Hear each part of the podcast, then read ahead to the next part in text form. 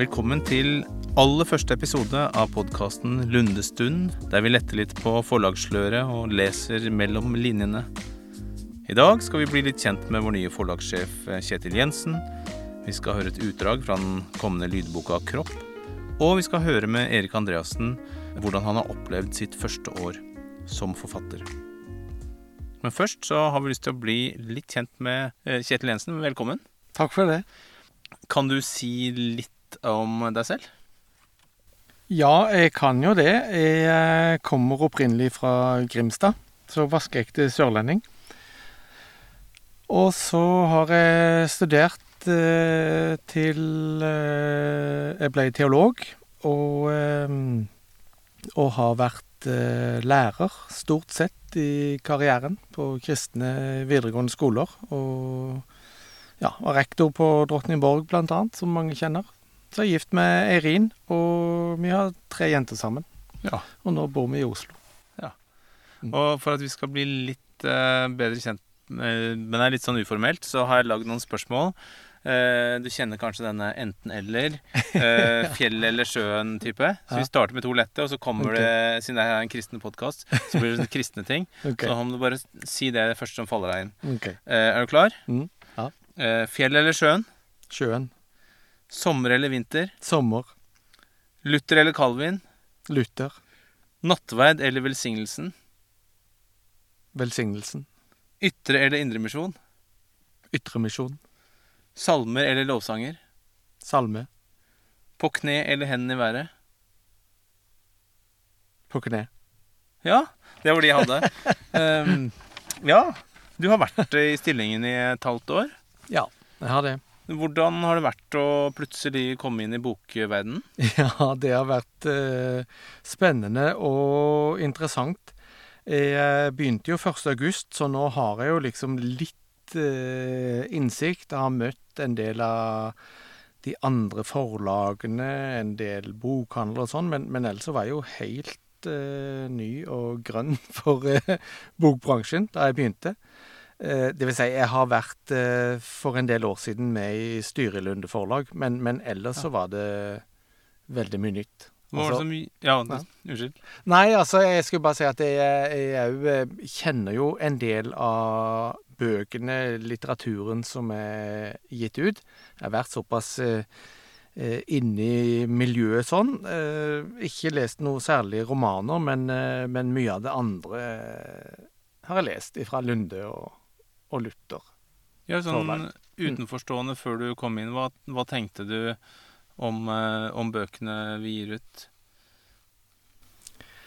Jeg tenkte absolutt at uh, dette har jeg lyst til å være med på. Det er bøker med god kvalitet, de er godt gjennomarbeida, og, og det er innenfor et uh, område av uh, bokbransjen som jeg har lyst til å ja, være med og videreutvikle og, og sikre for fremtida. Mm. Har du en uh, favorittbok som du har lyst til å trekke fram? Ja, det har jeg. Uh, Jeg kan jo nevne flere av de som ligger liksom i, uh, i lista til forlagene her, men, men hvis jeg skal trekke fram ei, så, så blir det ei bok som kom i eh, 1987 eller 1988, og som faktisk er kommet i, i ny, eh, nytt opplag og ny drakt eh, i 2022. Mm, For så vidt òg med et tillegg, og det er boka til Leif Andersen som heter 'Gud, hvorfor sover du?' Mm. Den leste jeg tidlig i studietida, og den var med på å forme, forme meg som kristen, tror jeg. Og forme meg i, i tenkninga omkring kristen tro, og hvem Gud er, og hva Jesus har gjort, og hva dette betyr for oss. Mm. Mm. Gud, hvorfor sover du? En ganske alvorlig og viktig bok. Ja, det er det. Eh, og det er en sterk bok, og det er skrevet av den grundige teologen eh, Leif Andersen. Jobber på Menighetsfakultetet i Århus. Eh, og han er ikke redd for eh, det vi gjerne innenfor Luthers teologi kaller for, eh, for paradoksene, altså troens paradokser. Det er ikke alt vi får på en, eh, på en ligning. Det er ikke alt som går opp. Det er noe vi må bære med oss. Det er ondes problem og Ja, sorg og sånt. Ja, for eksempel. Ja. Mm. Mm. Um, er det noe du Er det en retning du tenker at du har lyst til å gå, noe du har lyst til å gjøre annerledes enn vi har gjort før? Ja, det er gjort veldig mye eh, godt arbeid, men, men vi ser jo det at eh, bokmarkedet eh, og, og økonomien er sånn at vi, vi må selge flere eksemplarer av hver tittel vi gir ut. Eh, så, og så må vi treffe godt på både forfattere, utenlandske, norske forfattere, eh, og, og drive frem de gode bøkene som folk faktisk vil ha. Eh, når det gjelder å gjøre ting nytt, så tror jeg at det er viktig med eh, samarbeid, strategisk eh, samarbeid mellom ulike aktører. Det er fullt mulig å, å samarbeide om prosjekter, samarbeide om ideer. Eh, samarbeide om eh, salgskanaler og så videre. Så det er, det er spennende. Det er ting som skjer som, Da, da tenker du med andre forlag eller med andre organisasjoner? ja, ja, ja, andre forlag, andre organisasjoner, eh, andre aktører, både som, som selger for oss, og, og, eh, og som vi kan utgi bøker sammen med, ja. Mm. Og, og organisasjoner som, som likevel vil ha utvikla en bok til eh, eget bruk, eller til, eh, til eh, kurs til noen spesielle konferanser. Vi, altså, Stjerneeksempelet er jo samarbeidet vi har med skolelaget, f.eks. om disse Grille en kristen, Mm. eh, Bibelskolen i Grimstad og Veritas-konferansen om trosforsvarsbøker og så videre. Så, så det, det er spennende. Ja, For da drar man sammen. Ja, da drar man sammen, og så, og så blir boka brukt. Den blir utarbeida til noe konkret, og den blir eh, brukt i ulike sammenhenger. Ja. Mm. Og du har på en måte, når du kommer hit til eh, Vi holder til på Fjellhaug. Du har nesten kommet hjem igjen. Ja, jeg er jo det, vet du. Du var, du var rektor her. Ja, det var jeg. Eh, aller først var jeg jo student her på 90-tallet, og så eh, var jeg mest i videregående skole i mange år, og så kom jeg tilbake igjen til Fjellhaug i 2012 og var rektor på bibelskolen og høyskolen her. Eh, Så var jeg det i noen år, og så trodde vi at vi skulle flytte tilbake igjen til Sørlandet. Så jeg dro eh, føre, eh, og kona og jentene ble igjen. Eh, og så skulle jeg bygge hus på Flekkerøya, og kona skulle flytte etter når, eh, når minstejenta var ute av redet. Eh, men så trives hun godt i jobben. Hun er kjøkkensjef på Fjellhaug, og hun har flytta med fire-fem ganger i etter jobbønsker. Så nå, nå tenkte jeg nå er det min tur til å flytte til henne. Ja, Så, ja det er så det er på alle bra. måter er det hjem igjen, for, for hjemmet er liksom det, det er der det er der Eirine. Og- prisverdig. Ja. ja. Men da sier jeg bare takk for at du kom på besøk.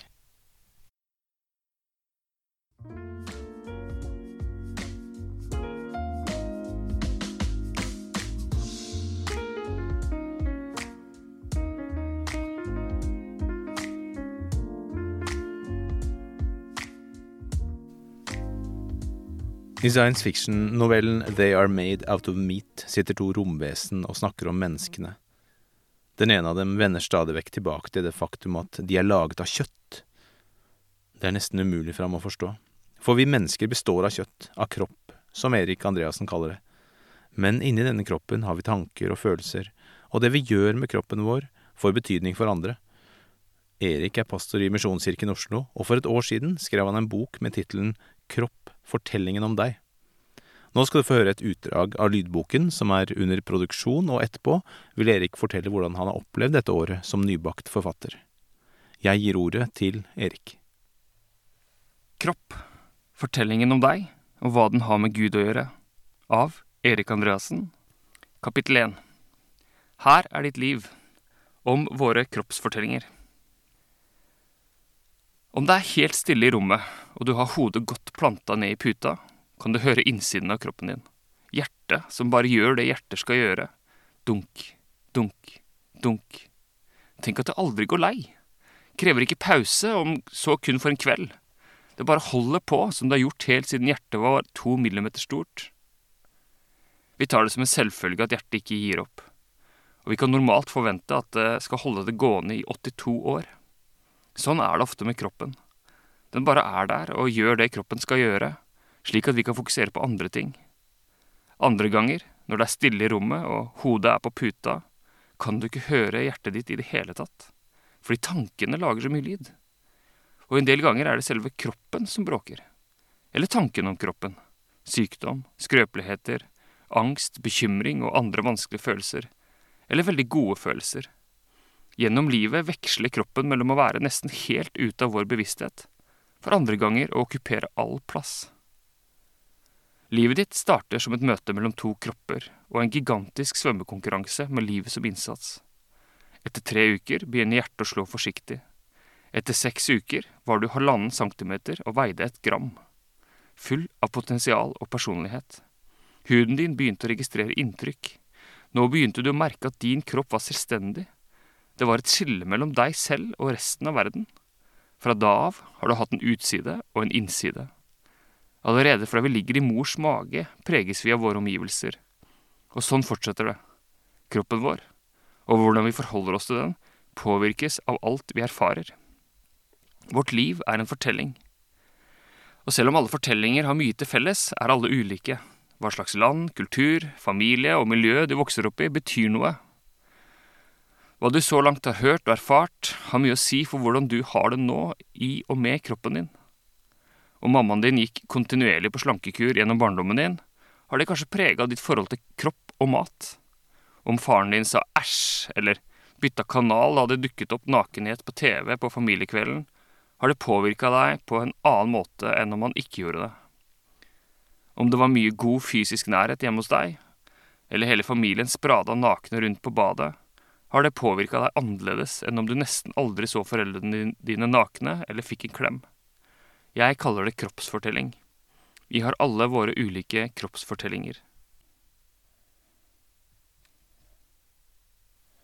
Du er poema.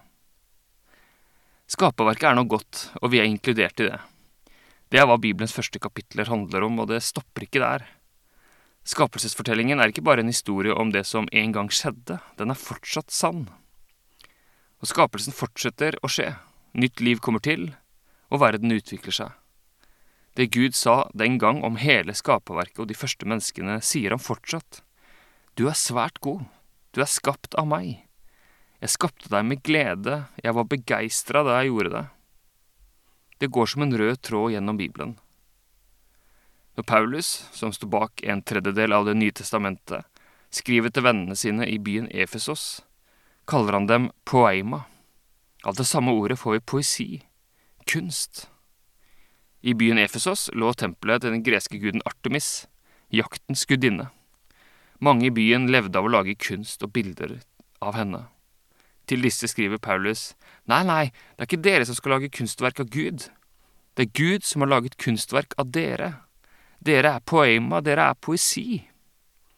Det viktigste å si om kropp fra et kristent perspektiv er at du og ethvert menneske er skapt av Gud. Du er en gave fra Gud til deg selv. Så ta deg selv imot.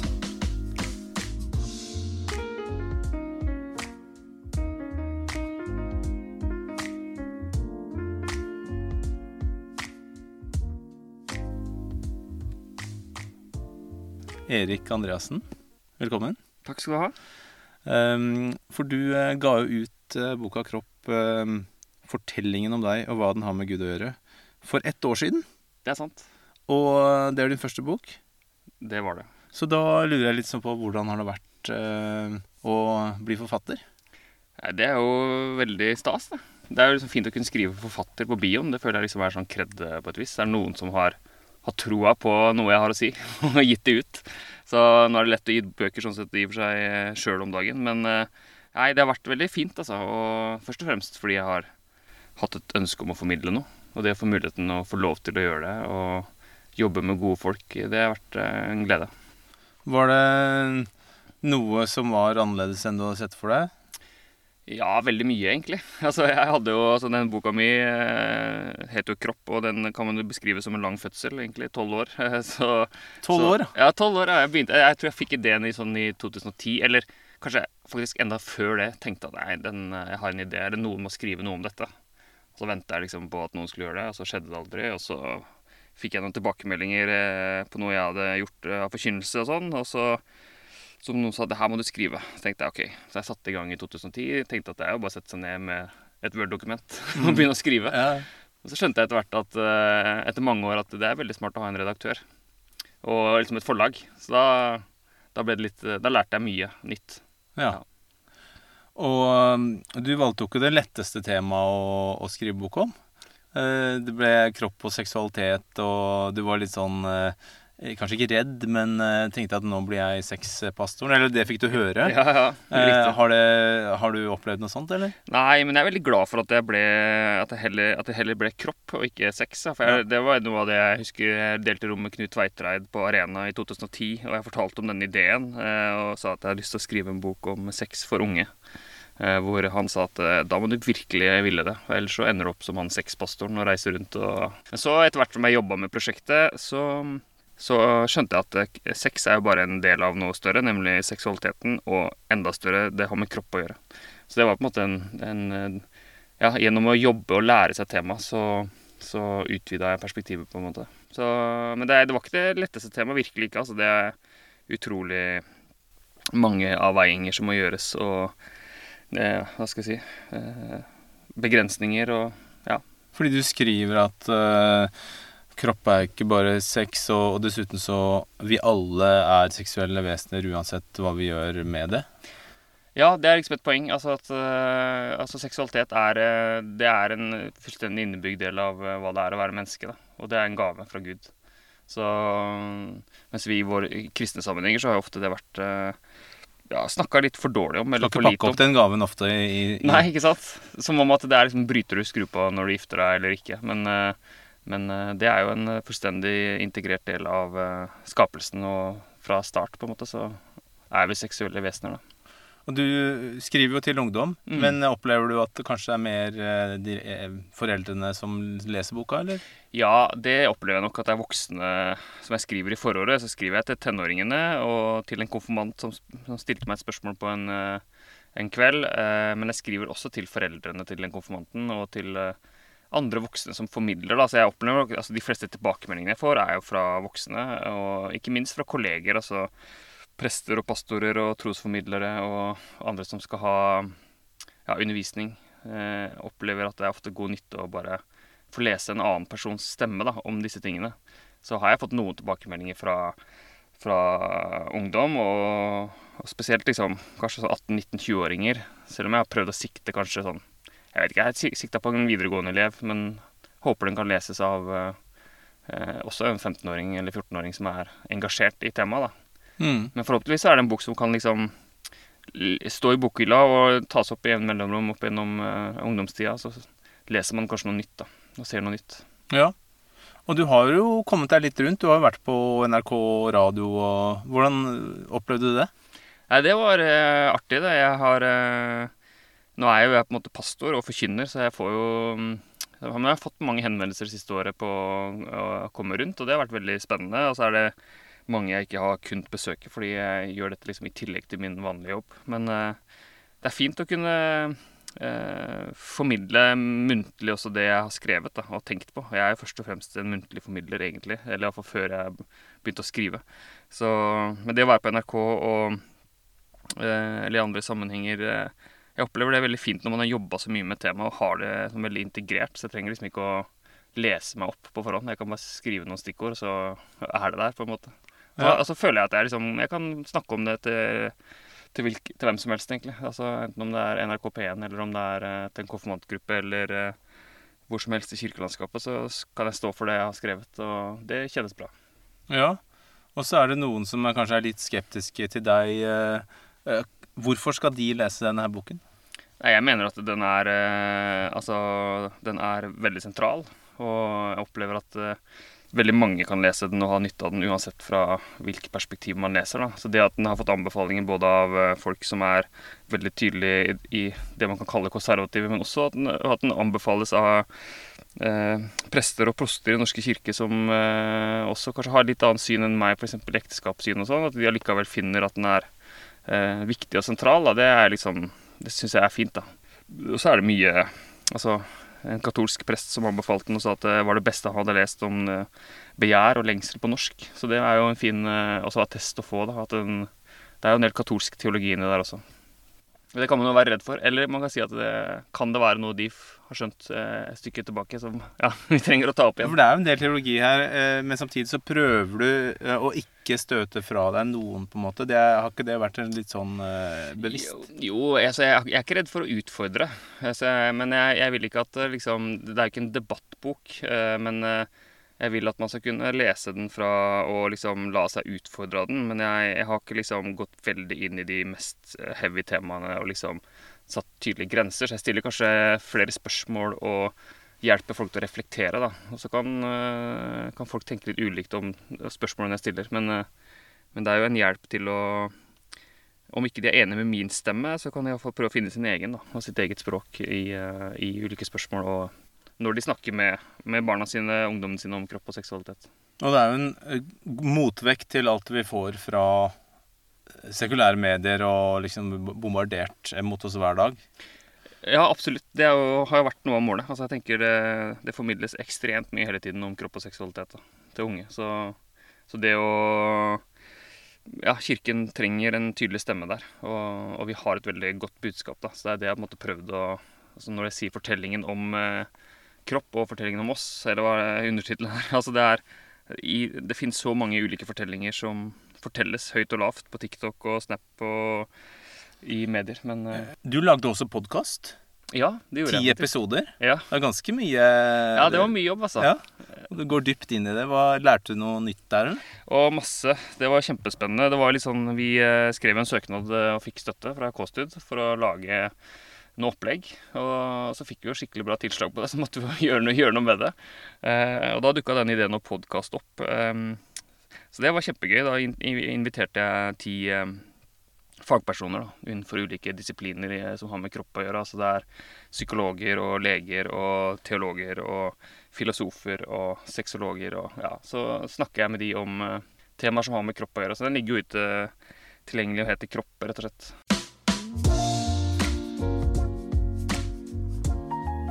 Og det var faktisk alt vi hadde i denne første episoden av Lundestund.